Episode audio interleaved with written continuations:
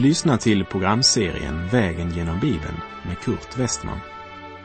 Programmet sänds av Transworld Radio och produceras av Norea Radio Sverige. Slå gärna upp din bibel och följ med. Efter att jag i förra programmet gav en enkel liten introduktion av första Timoteusbrevet så ska vi nu börja vår vandring genom denna del av Bibelns landskap där kapitel 1 talar om församlingens tro. Här fokuserar Paulus inte först och främst på den kristna församlingens lära och doktriner, men varnar mot falska lärare i lokalförsamlingen. Han påminner starkt om att evangeliet om Guds nåd är det grundläggande, för det är evangeliet som skapar församlingen. Evangeliet handlar om Kristi person och därför talar Paulus om ett personligt förhållande till Kristus. Brevet är skrivet till Timoteus, en av hans unga medarbetare. Och lägg märke till att Paulus redan i början av brevet påminner Timoteus om deras gemensamma hopp, Kristus Jesus. Vi läser första Timoteusbrevet 1, vers 1. Från Paulus, Kristi Jesu apostel på uppdrag av Gud, vår frälsare, och Kristus Jesus, vårt hopp, till Timoteus, hans äkta barn i tron. Paulus påminner om sitt apostlaämbete som han gör i flera av sina brev. Till de troende i Efesus skrev han från Paulus genom Guds vilja Kristi Jesu apostel. Till Efesierna skrev han att det var genom Guds vilja han var Jesu Kristi apostel. Men till den här unga medarbetaren skriver han Kristi Jesu apostel på uppdrag av Gud. Det vill säga, det är Gud som har gjort mig till apostel. Så det är inte bara därför att jag lever helt i Guds vilja med mitt liv som jag är apostel. Det var ett bestämt ögonblick då han gav mig apostlatjänsten. Det var inte en församling eller kyrkostyrelse som tillsatte Paulus i denna tjänst. Han var kallad direkt av Gud. Det är som om Paulus ville säga, det är inte jag som utvalde honom, det var han som utvalde mig. Så därför skriver jag nu till dig på uppdrag från Gud. Därmed har han gjort klart vem avsändaren är. Han som skriver har fått sitt uppdrag från Gud. Därefter så fokuserar han på mottagaren, till Timoteus, hans äkta barn i tron. Det grekiska ord som översatts med äkta det var ett uttryck som användes för att stadfästa att ett barn var fött inom äktenskapet. Uttrycket används även om det som var sant, äkta och riktigt. Så den som skriver brevet är en sann apostel. Han som mottar brevet är hans sanna, äkta barn i tron. Det är i tron båda har sin suveräna auktoritet. Paulus svävar inte på målet och säger ja, jag hoppas att det är Gud som har kallat mig. Inte heller säger han till Timoteus, jag hoppas att du har det rätt med Gud. Jag skriver på uppdrag från Gud till hans äkta barn i tron. Den som ska förkunna evangeliet och kalla människor att vända om från sina synder och vända sig till Gud, den måste förkunna med auktoritet eller också hålla tyst. Guds ord säger tydligt i Johannes 3, 36. Den som tror på Sonen har evigt liv. Den som inte lyder Sonen ska inte se livet utan Guds vrede blir kvar över honom. Nu skriver Paulus till Timoteus, hans äkta barn i tron. Här är inte om eller men eller kanske. Här möter vi den tro som kallas för visshet. Paulus kallad av Gud. Timoteus hans äkta barn i tron. Till de troende i Thessalonika skrev Paulus i Första Thessalonikerbrevet 1, vers 5. Vårt evangelium kom till er inte bara i ord, utan i kraft och den helige Ande och gav full visshet. Ni vet ju hur vi uppträdde bland er och vad vi gjorde för er. Och i Hebreerbrevet 6, verserna 11 och 12 men vi önskar att var och en av er ska visa samma iver att bevara full visshet i hoppet ända till slutet, så att ni inte blir tröga utan följer dem som genom tro och uthållighet får det utlovade arvet. Om detta Paulus äkta barn i tron får vi genom det vi kan läsa i Apostlagärningarna, Efeserbrevet och Filipperbrevet veta att hans far var grek och hans mor en troende judinna. Hans mormor Louise och hans mor Eunike, de kom till tro före Timoteus. Han bodde i Lystra, där Paulus blev stenad, och man släpade ut honom ur staden i tron att han var död. Men när lärjungarna samlades omkring honom reste han sig och gick in i staden berättar Apostlagärningarnas fjortonde kapitel. Personligen så tror jag att detta under var en bidragande orsak till Timoteus omvändelse. Han blev i alla fall efter det här besöket en av Paulus trogna medarbetare. Timoteus var en man med gott rykte. I Apostlagärningarna 16, verserna 2 till 5 läser vi. Bröderna i Lystra och Ikonum talade väl om Timoteus. Eftersom Paulus ville ha honom med på resan tog han och omskar honom av hänsyn till judarna i de trakterna, ty alla kände till att hans far var grek. När de reste genom städerna överlämnade de åt bröderna de föreskrifter som apostlarna och de äldste i Jerusalem hade fastställt och församlingarna stärktes i tron och antalet troende ökade för varje dag. Allt det här tog Timoteus del i. Och ju längre de arbetade tillsammans, desto mer växte Paulus förtroende för den här unge mannen. Medan andra i de olika församlingarna visade sig vara falska bröder som svek honom. Men Timoteus litade han på helt och fullt. Till de troende i Filippi skrev han i Filipperbrevet 2, verserna 19 till och med 23. Jag hoppas nu i Herren att jag snart ska kunna sända Timoteus till er, så att också jag kan vara vid gott mod när jag får veta hur ni har det. Jag har ingen som han, ingen som så uppriktigt kommer att ha omsorg om er. Alla söker det sitt, inte Jesu Kristi sak. Men ni vet att han har hållit provet. Som en son vid sin fars sida har han stått tillsammans med mig i arbetet för evangeliet. Honom hoppas jag kunna sända så snart jag får se hur det går för mig. Låt oss nu höra vad Paulus har att säga till den som är ett äkta Guds barn i tron och som har uppriktig omsorg om sina bröder och systrar i tron och som tillsammans med sin far har stått provet i arbetet för evangeliet. Han börjar med att tillönska honom nåd, barmhärtighet och frid från Gud, vår fader, och Kristus Jesus, vår Herre. Nåd och frid är uttryck som Paulus tidigare använt i sina brev till de olika församlingarna. Men här möter vi även ordet barmhärtighet, eleos, barmhärtighet. Det är ett ord som förekommer i det gamla testamentet och är likvärdigt med ordet nåd, karis.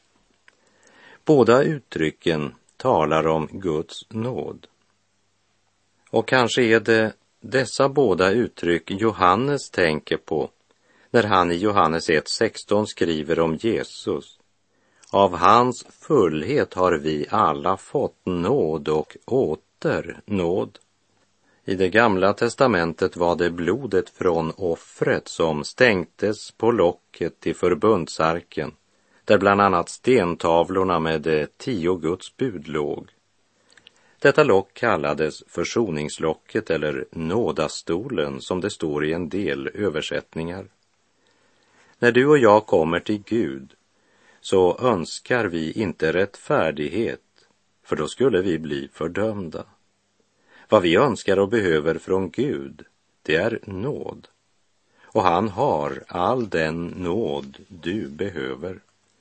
I Matteus 5, verserna 43 till och med 45 säger Jesus Ni har hört det sagt, du ska älska din nästa och hata din ovän. Jag säger er, älska era ovänner och be för dem som förföljer er. Då är ni er himmelske faders barn. Han låter sin sol gå upp över onda och goda och låter det regna över rättfärdiga och orättfärdiga. Under vårt liv på jorden så låter Gud det regna över rättfärdiga och orättfärdiga. Det kan se ut som att det inte är någon skillnad. Ja, ibland kan det se ut som det skulle gå nog så bra för den ogudaktige här i världen. Men döden betyder att man kommit till verklighetens port där allt genomgår en total omvärdering. Sanningen uppenbaras vid dödens port.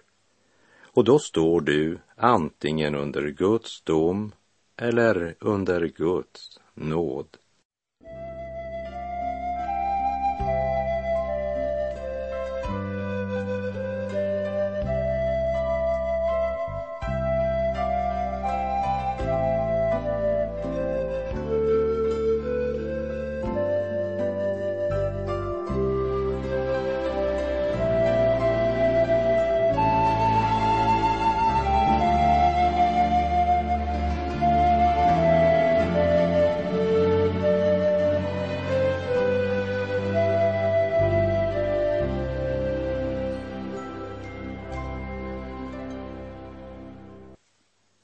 Breven till Timoteus så möter vi Bibelns klara tal om hur en församling ska inrättas efter Kristi och apostlarnas sinne och vilken lära som bör förkunnas, vilka avvägar som bör undvikas och vilka egenskaper en föreståndare för Herrens församling bör ha.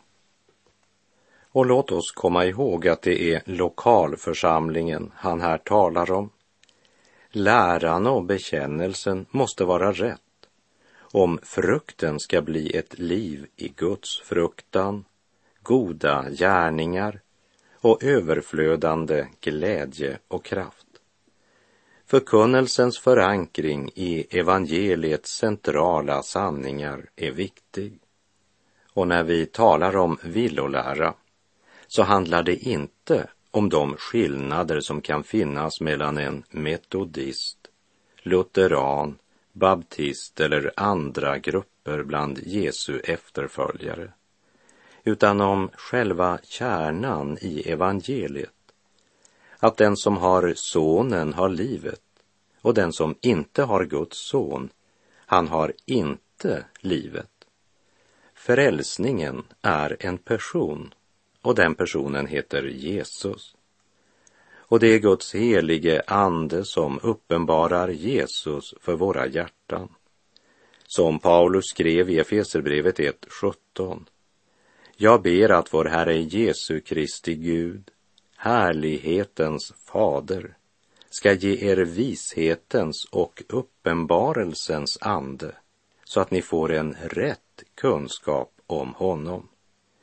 Trots att Timoteus är ung får han av aposteln Paulus uppdraget att förmana andra predikande bröder och säga att de inte ska befatta sig för mycket med ändlösa släktregister.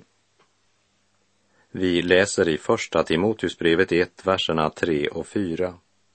Nu, liksom när jag var på väg till Makedonien, uppmanar jag dig att stanna kvar i Efesus och förmana somliga där att inte förkunna falska läror och befatta sig med myter och ändlösa släktregister. Sådant leder till strider och tjänar inte en gudomlig undervisning i tron. Du har fått ett speciellt ansvar för församlingen i Efesus. Tidigare så hade han rest runt från plats till plats tillsammans med Paulus, men situationen i Efesus krävde att Timoteus stannade kvar där för att förmana, uppbygga och styrka församlingen där och så förmana de som börjat koncentrera sig om myter. Vi minns att Paulus skrev till de troende i Galatien, i Galaterbrevet 1, vers 6 och 7. Jag är förvånad över att ni så hastigt avfaller från honom som har kallat er genom Kristi nåd och vänder er till ett annat evangelium, fast det inte finns något annat. Däremot är det några som skapar förvirring bland er och vill förvränga Kristi evangelium. Vad var det då Timoteus skulle koncentrera sig om? Ja, om det som Kristi församling hade byggt på från början. I Apostlagärningarna 2 står det att de höll troget fast vid apostlarnas lära och gemenskapen, vid brödsbrytelsen och bönerna. Det var alltså fyra saker som kännetecknade den första tidens kristna. För det första apostlarnas lära. För det andra gemenskapen. Det tredje var nattvardsfirandet och det fjärde bönerna. Och det bärande i apostlarnas lära, det beskriver Paulus så här i Första Korinthierbrevet 15, verserna 3 och 4. Jag meddelade er det allra viktigaste, vad jag själv hade tagit emot, att Kristus dog för våra synder enligt skrifterna, att han blev begravd att han uppstod på tredje dagen enligt skrifterna. Den som undervisar ska inte utlägga myter, utan hålla sig till skriftens vittnesbörd. Och skriftens budskap är inte någon myt, men en levande sanning och ett profetiskt budskap. Förmana dem till gudomlig undervisning i tron. Första Timoteusbrevet 1, vers 5. Vad all förmaning syftar till är kärlek av ett rent hjärta, av ett gott samvete och av en uppriktig tro. När Paulus varnade de troende i Kolosse mot falska lärare så skrev han i Kolosserbrevet 2, vers 8 till och med 10. Se till att ingen rövar bort er med sin tomma och bedrägliga filosofi, byggd på mänskliga traditioner och stadgar och inte på Kristus. Ty i honom bor gudomens hela fullhet i kroppslig gestalt, och i honom är ni uppfyllda, han som är huvudet över alla makter och väldigheter filosofi som har ett stort sken av djupsinnighet, mänskliga stadgar som har ett så andligt sken, men i verkligheten bara för människan bort från beroendet av Kristus och därmed bort från Kristi närhet.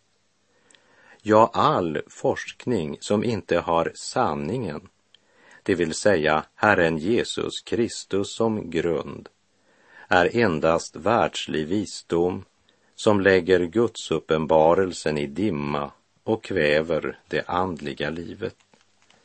Paulus uppmanar Timoteus att stanna kvar i Efesus och förmana somliga där att inte förkunna falska läror och befatta sig med myter och ändlösa släktregister. För sånt leder ju bara till strider och tjänar inte en gudomlig undervisning i tron. Vad all förmaning syftar till är kärlek av ett rent hjärta, av ett gott samvete och av en uppriktig tro. Kärlek av ett rent hjärta och ett gott samvete är det som kännetecknar Jesu lärjungar och står som en kontrast till vår gamla natur. Han talar alltså om en person som i Kristus har blivit rättfärdiggjord genom tron och fått Guds helige ande utgjuten i sitt hjärta. Det är det här Petrus skriver om i Petrus första brev kapitel 1, verserna 3 och 4. Ty allt som hör till liv och Guds fruktan har hans gudomliga makt skänkt oss genom kunskapen om honom som har kallat oss genom sin härlighet och ära. Genom dem har han gett oss sina dyrbara och mycket stora löften för att ni i kraft av dem ska få del i gudomlig natur sedan ni kommit undan det fördärv som på grund av begäret finns i världen. Trons liv, kärlek av ett rent hjärta och ett gott samvete skulle levas ut i församlingslivet oberoende av vilken organisationsform vår församling har. Kristusliv studerar man inte på biblioteket. Kristuslivet består inte i en bok under armen och ändlösa ordstrider utan i nådens varma ström i vårt inre. Kärlek av ett rent hjärta och ett gott samvete. Men det är inte vårt samvete som ska vara ledstjärna. Guds lag måste uppenbaras i ordet eftersom den i hjärtat inskrivna lagen blivit fördunklad genom synden, säger en av våra lärofäder.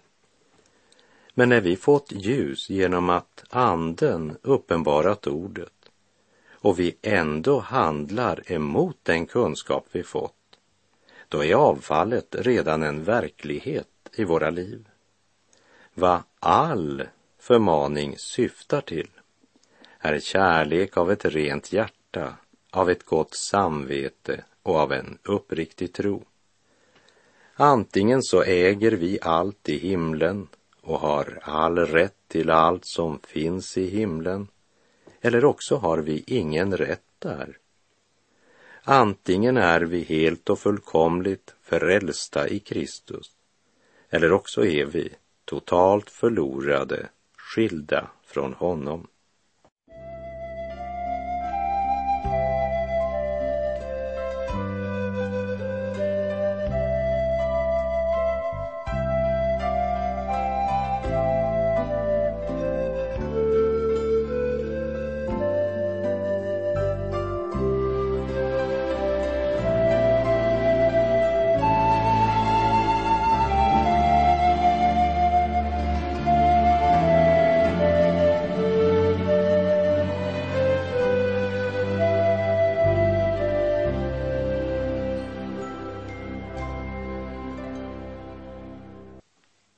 Vi fortsätter och läser första Timoteusbrevet 1, verserna 5 till och med 7. Vad all förmaning syftar till är kärlek av ett rent hjärta, av ett gott samvete och av en uppriktig tro. Detta mål har somliga förlorat ur sikte och så förfallit till tomt prat. De vill vara lärare i lagen, men förstår varken vad det säger eller vad det så säkert uttalar sig om. Vältalighet, vackra konstnärliga ord och ett målande språk är utan verkligt värde om det bara är tomma ord. Och tomma ord kan höras ut både vackra och bibelenliga, men som ändå saknar sanningens kärna och kraft. Paulus varnar för självutnämnda auktoriteter som uppträder som Guds försvarare. kunskapsrika, men eftersom de har förlorat både kärleken och den uppriktiga tron ur sikte, så blir deras briljanta hårklyveri bara tomt prat. De inbillar sig att de har mer förstånd än andra och är mera vakna än andra. Och de älskar att tillrättavisa andra. De är så upptagna av att vara lärare, men de förstår inte vad de säger, skriver aposteln till den unge Timoteus. Så det är uppenbart att de även angripit honom med sitt teologiska hårklyveri. De är mera upptagna av bokstavsrytteri än av andens smörjelse. Och de tror att de är så viktiga försvarare av sanningen. Men precis som med byggnadsarbetarna i templet så räckte det inte med att vara skickliga. Det måste utrustas av Guds ande. Och tempelbygget var ju en förebild till Kristi församling, liksom Gamla testamentets överste präst var en förebild till Kristus. Församlingen är en gemenskap där Gud har användning för alla, inte bara för en andlig elit. Därför har Gud som ett medel för allas andliga växt givit församlingen Andens nådegåvor. Vad all förmaning syftar till är kärlek av ett rent hjärta, av ett gott samvete och av en uppriktig tro. Men det har somliga förlorat ur sikte. Låt oss meditera lite grann över vad de orden har att säga oss idag och vad Paulus vill säga dig och mig genom denna förmaning. Jag citerar Petrus första brev kapitel 2, vers 5. Och låt er själva som levande stenar byggas upp till ett andligt hus, ett heligt prästerskap, som ska frambära andliga offer som Gud tack vare Jesus Kristus tar emot med glädje. Och Petrus första brev kapitel 2, vers 9 men ni är ett utvalt släkte, ett konungsligt prästerskap, ett heligt folk, ett Guds eget folk, för att ni ska förkunna hans härliga gärningar, han som har kallat er från mörkret till sitt underbara ljus. Man kan alltså studera Bibeln och vara en teologisk mästare utan att kunna förmedla kärlek, värme och andens kraft. Nådens ande hos mig bliv, fyll mig med ditt helga liv, så att lugn och hälsosam genom mig må flyta fram nådens ström så underbar som i dig sin källa har. Kraftens ande hos mig dröj under korset djup mig böj. Egna flöden torkar ut. Du ger kraft som ej tar slut. Så min ande, själ och kropp bärs av ett okuvligt hopp. Herren vare med dig. Må hans välsignelse vila över dig. Gud är god.